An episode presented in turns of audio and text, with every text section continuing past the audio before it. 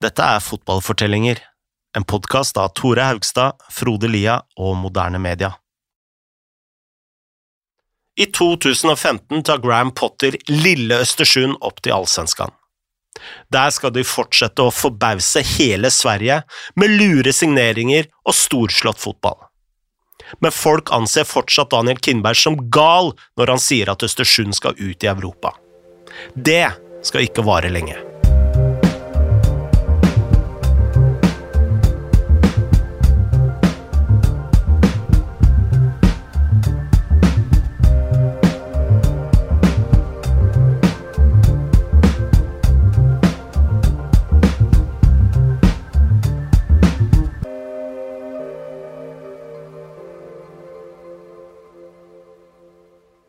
Vi skal fortelle om hvordan Østersund nådde eliten i Sverige. Men ingen episode om dette laget kan fullføres uten en eksentrisk idé fra Daniel Kindberg. I januar 2014 annonserte han at Østersund, som da var i andredivisjon, hadde inngått en avtale med regjeringen i Libya. Først skulle 60 spillere fra Libya dra over til Østersund for å trene og studere alt fra engelsk til IT og sportsmanagement. Så skulle 250 spillere mellom 18 og 20 år ta samme rute. Denne dealen skulle vare i fem år og gi Østersund en feit halv milliard svenske kroner. Men dette var jo på en tid hvor den politiske situasjonen i Libya mildt sagt var ustabil, og til slutt gikk hele avtalen i vasken. La oss høre mer fra Per Boman. Det hadde jo aldri noensinne noen liksom bæring på själva fotbollssatsningen. Alltså det var ett, sånt, ett av många, om vi ska vara ärliga, luftslott som, som, som Alltså det, var, det var det som var grejen med Östersund. De gjorde så jävla mycket bra saker fotbollsmässigt. Alltså rent fotbollsmässigt vad de gjorde som fotbollslag finns liksom ingenting att kritisera egentligen. Det var bara rakt igenom fantastiskt. 5 plus som vi säger på Aftonbladet. Det var, det var, eh, det var något helt nytt som revolutionerade svensk fotboll. Men samtidigt vid sidan av det så fanns det ofta de här det fanns ju liksom två sidor av Daniel Kindberg. Den extremt kompetente föreningsledaren som, som, som utan honom så hade det liksom inte hade inte heller Östersund funnits heller liksom som, som fotbollsprojekt. Men han hade också en annan sida som var att han blandades in i väldigt mycket galna projekt. Liksom. Den här libyska satsningen var ju ett luftslott. Liksom. På något sätt så skulle Östersund få jättemycket pengar från Libyen för att driva något fotbollsprojekt med dem. Liksom. och det kom ju inga pengar och det kom inga, egentligen inga spelare som gjorde något avtryck i Östersund. Så det var ett av alla de här konstiga sakerna som bara pågick vid sidan om, så att säga. For sin del brydde ikke Graham Potter seg så mye om denne Libya-dealen. Han trakk bare på skuldrene og sa at det man aldri har hatt, kan man heller aldri savne. Og uansett var han travel med å forsterke laget. I 2014 henta han en rekke spillere, og det mange av disse hadde til felles, var at de hadde blitt vraka i andre klubber. Og Den mest spesielle var kanskje Birva Nori. Nori var en kurder som hadde flykta sammen med foreldrene sine fra Irak som liten. Familien hadde dratt til Sverige, hvor foreldrene senere hadde skilt lag. Så hadde Nori begynt i AIK, hvor han hadde vært et supertalent. Men gradvis ble han mer og mer involvert i gjenger, slagsmål og misbruk av alt fra piller til hasj til kokain. Da han ble bøtelagt i en rettssak, fikk han sparken fra AIK. Nori begynte på et kurdisk lag i sjette divisjon, og så spilte han seg opp til nivå tre. Og det var først der, som 27-åring, at Potter henta han til Østersund. Nori sa også mens han var på nivå tre at for han så virka det like lett å nå allsvenskene som det var å gå til Sør-Afrika til fots. Men i 2014 kom Østersund på femteplass i andredivisjon, altså nivå to i Sverige, og det neste året var Nori fremme i Sør-Afrika, da Potters menn tok steget opp til allsvenskene. Og nå hadde Kindberg virkelig fått vann på mølla. Engelske aviser dro stadig over for å intervjue ham og Potter, og en gang fortalte han The Times at Potter kunne trene hvilket som helst lag i hele verden. Han kommer til å trene et av de store lagene, sa Kindberg, men først skal han tas ut i Europa. Steget opp til allsvenskene gjorde at Potter kunne signere enda bedre spillere. Men igjen var ikke dette noe Abramovic eller rik onkel-prosjekt hvor Kindberg bare bladde opp og slang pengene på bordet for stjerner de egentlig ikke kunne få. Østersund hadde lite penger, og de var i stor grad avhengig av å finne gull i de lavere divisjonene. De fleste av de som kom, hadde fortsatt blitt vraka andre steder, og ofte hadde de fått sjansen i Allsvenskan uten å lykkes. For eksempel hadde du Ken Sema, som ikke hadde fått spille i Norrköping. Du hadde den nigerianske spissen Al-Haji Gero, som hadde blitt benka av Wiborg og fått kontrakten kansellert. Og så hadde du stopperen Ronald Mukibi fra Uganda, som ikke ble brukt av hacken, og som fikk tilbud fra Østersund, og som så gikk på nettet for å google hvor høyt oppe i landet dette stedet egentlig lå. En annen rekrutt var Saman Guddos, som hadde blitt vraka fra Trelleborg i annendivisjon. Ifølge journalisten Frida Faglund hadde han jobba som telefonselger da han fikk et tilbud fra Østersund. Potter fortalte om to spillere fra Ghana som steg om bord i flyet til Sverige i 30 varmegrader, og da de landa i Østersund, var det minus 30. La oss høre mer fra Per Boman om Østersunds rekruttering. Han fyllde laget med spelare från lägre divisjoner. Alltså, Östersund hade ingen som helst möjlighet att plocka färdiga, bra allsvenska spelare. De hade inte den ekonomin. Så det de gjorde var att de scoutade division 1 och superettan mycket, mycket bättre än alla andra i, i, i allsvenskan. Då. Eh, och det är ju konstigt, för menar, han är engelsman. Han borde inte ha kontakterna eller kollen för att kunna scouta i de lägre divisionerna. Det är inte lätt ju, för då fanns det inte lika mycket scoutingprogram och sådär heller. Men Graham Potter åkte runt i hela Sverige tillsammans med sin eh, scout eh, ska vi kalla det scoutkille, scoutchef, Kyle McCauley. Han är lite hemlig, man har aldrig fått intervjua honom. Men han, eh, han jobbade som, som heltidsanställd talangscout och spelanalytiker för Potter tidigt i Östersund. Då.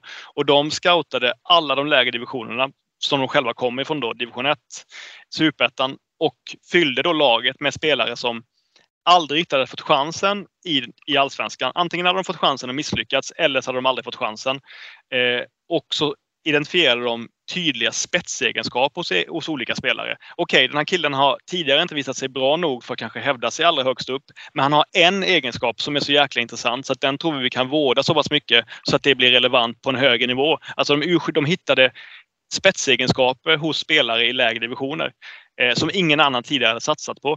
Og så bygde de et utrolig bra allsvensk lag av det. Så det er det som er så imponerende. De lyckades spela nästan den beste fotbollen trots at de fyllde laget med i grunden vad alla trodde var begränsade spelare. Et større spørsmål her er egentlig hvordan Potter i det hele tatt klarte dette. Som eh, Per sa, var han jo engelskmann. Han hadde dratt til Sverige uten en eneste kontakt. Han snakka ikke språket, iallfall ikke i starten. Og han hadde ikke noe stort kontaktnettverk som liksom var spredd rundt utover i landet. Og Likevel så hadde han en bedre oversikt og en bedre forståelse for det svenske markedet enn noen annen trener. Hvordan var dette mulig? Första åren så var det ju de här som, som reste runt och kollade på allting. Graham Potter var väl ensam till en början. Uh, han sa det, han tog bilen och, och, uh, och körde runt genom landet, kollade på matcher, byggde ett kontaktnät, snackade med folk. Och han har berättat i efterhand, då, jag minns jag intervjuade honom om det här och då sa han att jag upplever att de stora klubbarna i allsvenskan eller allsvenska klubbar överlag blev för bekväma. De såg inte att det fanns diamanter på den egna bakgården. De, de trodde inte att det fanns den kvaliteten i lägre divisioner. Sen dess har det blivit jättepopulärt att scouta i Superettan och division 1 och, och, och, hitta unga spelare därifrån och utveckla vidare. Men på den tiden så tog man hellre en hemvändare från proffslivet eller en utländsk spelare eller någon som ah, hade bättre meriter. Det var inte så vanligt att man, att man scoutade i lägre divisioner. Men han, han var en av de första som gjorde det på ett väldigt framgångsrikt och systematiskt sätt helt enkelt. Eh, och han gjorde det helt enkelt genom att köra runt och kolla på mycket matcher, bygga kontakter. Eh, så det var, eh, det är väldigt, väldigt, väldigt imponerande. Jag minns att han sa en gång att han, han levde nästan i bilen på den tiden och, och skilde mig nästan på kuppen för jag var ju aldrig hemma. Eh, lite skämtsamt men också sådär att, att att det var så. Och han vet också att folk fick upp ett respekt också kanske i de mindre klubbarna i Sverige för att han tog det här jobbet och var överallt. Så att, eh, jag han sa till mig att de här idioterna har kommit hela vägen från Östersund så att ja, då får vi väl liksom ta dem på allvar ändå. Så att det, var, det, var, det var lite den känslan. Så trots att han inte kom från Sverige, trots att han i grunden hade sämre möjligheter att, att bygga kontakter och ha bra koll på de lägre divisionerna så var det ändå han som la ner jobbet för att scouta det på bäst sätt. Men det var ikke bare fra Sverige at Potter henta spillere. En av signeringene var Curtis Edwards, som hadde blitt vraka fra akademiet til Middlesbrough som 19-åring. Han hadde vært på prøvespill i Bristol City og Hibs, helt uten hell, og så hadde han begynt å jobbe sammen med faren sin på en byggeplass. Senere dro han til Sverige med en venn for å spille i Ytterhogdal, et lag i femtedivisjon, og så, helt ut av det blå, ble han invitert til prøvespill i Østersund. Da Edwards ble signert, fant han fort ut at dette ikke var en normal klubb. En dag klokka åtte på kvelden satt han hjemme og så på Netflix i sofaen, som vi ofte gjør på vinteren, eh, da han fikk en telefon fra Macauley, altså speideren til Potter. Han dukka opp dit med bilen og kjørte Edwards rett til stadion for å ta en prat med Potter. Og De neste minuttene snakka de to om alt mellom himmel og jord, utenom fotball. Og De kom jo fort inn på temaet lesing, og der hadde da Potter en bok han ville anbefale. Den het Ancient Wisdom Modern World Ethics for the New Millennium, og forfatteren av den var godeste Dalai Lama. Dette viste igjen at Potter anså sin jobb som langt større enn kun å drille fotballspillere inn i et system som om de var roboter. Han sa at mennesket ofte er sin egen største fiende, og at han ville hjelpe sine spillere med å forstå det og adressere det. Om han klarte å få sin tropp til å mestre livet bedre, sånn helt generelt, så var han helt sikker på at resultatene ville komme av seg selv. Parallelt med dette fortsatte Potter å utvikle en offensiv spillestil. Vi nevnte jo tidligere at Østersund var et sted ingen spillere fra sør egentlig ville dra, og Potter måtte jo da gjøre klubben annerledes og gi talentene et eller annet som frista de til å komme dit. Dette var nå i praksis blitt ja, en offensiv fotball hvor spillerne fikk være seg sjøl og ta risiko på banen. Porter sa at han ville skape et lag som brøyt med den tradisjonelle svenske kulturen, og det hjalp jo at mange av spillerne hadde utenlandske røtter og dermed ofte var tekniske og kreativt anlagt. Innen dette trakk Østersund nesten 6000 tilskuere i snitt per hjemmekamp, og rundspilte lag i Eliteserien som var langt større og rikere. Og over resten av landet så sperra folk øynene opp. Nei, men han revolusjonerte jo svensk fotball. Det fins egentligen ett, en situasjon før Graham Potter og en situasjon efter. Der kanskje resten av svensk fotball förstår at vi ligger för långt bak. Här har vi en, spelare, en tränare som ligger fyra, fem år före alla andra i tiden. Egentligen skulle man kunna säga. Han var väldigt tidig med att kunna vara så pass flexibel att han bytte formation under matchens gång. Nu låter ju det som det kan väl alla göra, för numera är det ganska vanligt att, att, att, att, lag är så pass flexibla de kan gå från ett 3-5-2 till ett 4-4-2 under matchens gång. Att spelarna är så trygga så de klarar av det. På den tiden var det inte lika givet att man hade spelare som var så taktiskt funktionella att de kunde, att de kunde skifta så snabbt under matchernas gång. För jag menar så var det ofta med Graham Potter. Han, han bytte under matchernas gång. Det var, det var fembackslinje och sen var det trebackslinje och sen var det fyrbackslinje un, under hela tiden. Liksom. Och det var folk väldigt imponerade av. Och så var det ju konstgräsfotboll också. En väldigt, väldigt possession-inriktad, snabb konstgräsfotboll med små inte bara små, men med väldigt tekniska, bollskickliga spelare som gjorde att, att, att Östersund spelade på många sätt en vackrare fotboll än, också än, än alla andra i, i, i, svensk fotboll. Det var både vackrare och inte alltid, men ofta också effektivare. Den første sesongen i Allsvenskan kom Østersund på åttendeplass. Nå var europeisk fotball plutselig blitt en realistisk målsetning. Den neste sesongen, i 2017, sjokkerte de alle med å nå den svenske cupfinalen. På morgenen før kampen ga Potter spillerne to brev. Et av dem var skrevet av han selv, og handlet om hvor mye han verdsatte dem som mennesker. Det andre var fra spillernes familier, som hadde skrevet om hvor stolte de var av dem. I finalen slo Østersund Norrköping 4-1. Målskårerne var Samuel Mensiro, Hossam Ayesh, Alhaji Gero og Saman Godos. Og kapteinen var Børva Nori. Østersund hadde altså mange spillere med utenlandske røtter. Vi spurte Per om hvordan laget fikk en så blanda identitet. Ja, men, eh, det er en bra fråga for at, Jeg tror at det delvis så är det slumpen at det ble så. Jeg tror ikke at de aktivt liksom har jeg tror at de kollade først og fremst på hvilke fotbollskvaliteter spillerne hadde.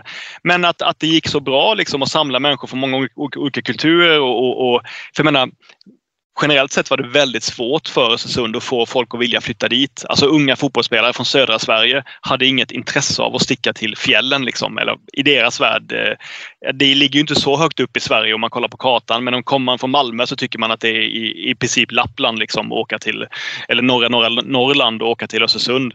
Men det de gjorde var att bygga en stark gemenskap i, i det här gänget. Då, och att man fick vara sig själva. Det vet jag att, att eh, många av, eh, av spelarna jag pratat med kanske var vana vid att ha auktoritära tränare som skällde på dem, skrek på dem, eh, sa exakt vad de skulle göra. Och det de gillade med Graham Potter var att han var en demokratisk, inkluderande tränare som var lika bra forstår förstå mig rätt, extremt bra taktiskt och fotbollsmässigt men också en väldigt bra människa helt enkelt. Att han visade förståelse för, för dem, pratade med dem, såg dem som personer och inte bara som fotbollsspelare. Utan att jag tror att de gillade att vara där för att Graham Potter i allas tycke är en väldigt bra, snäll, eh, solidarisk människa. Liksom. Så jag tror att det var det som gjorde att, att, att, att den här gruppen människor lyckades jobba så bra ihop. Cupseieren var ikke bare historisk i seg selv, den ga også Østersund en billett til andre kvalikrunde av Europaligaen. For å oppnå Kindbergs drøm om å spille i Europaligaen måtte Østersund vinne to kvalikrunder og så en playoff. Første motstander var Galatasaray. De skulle møtes i juli i 2017, og siden den svenske ligaen går over et kalenderår, slik som den norske eliteserien, var Østersund midt i sesongen mens styrkerne så vidt hadde begynt. I den første kampen i Sverige vant Østersund sensasjonelt 2-0. Men da de dro ned til Tyrkia, forventa de fleste en intens atmosfære og et storslått comeback. Mer enn 33 000 fans fylte stadion for å se Galla ta en obligatorisk seier på hjemmebane. Men det var Nori som skåra det første målet etter en time. Ehm, Galatasaray de klarte kun å utligne én gang, og med det var Østersund utrolig nok videre. Da sluttsignalet gikk, trodde Østersund at de kom til å bli pepra med objekter og flasker og lightere fra hjemmesupporterne, men i stedet så ble Østersund applaudert av Galatasaray-fansen. Dette var noe spillerne aldri skulle glemme, og selv Potter sto der på banen med gåsehud. I neste runde slo Østersund greit ut Folla Esch fra Luxembourg. Ved siste hinder møtte de Pauk fra Hellas, Kindbergs drøm virket knust da favorittene leda 3-1 hjemme i Hellas, og i returkampen i Sverige sto det 0-0 med 20 minutter igjen. Men så skåret Edwards, og seks minutter senere la Godos på til 2-0. Østersund gikk videre på bortemål. Kindberg, Potter og det lille laget fra vinterbyen var klare for gruppespillet i Europaligaen.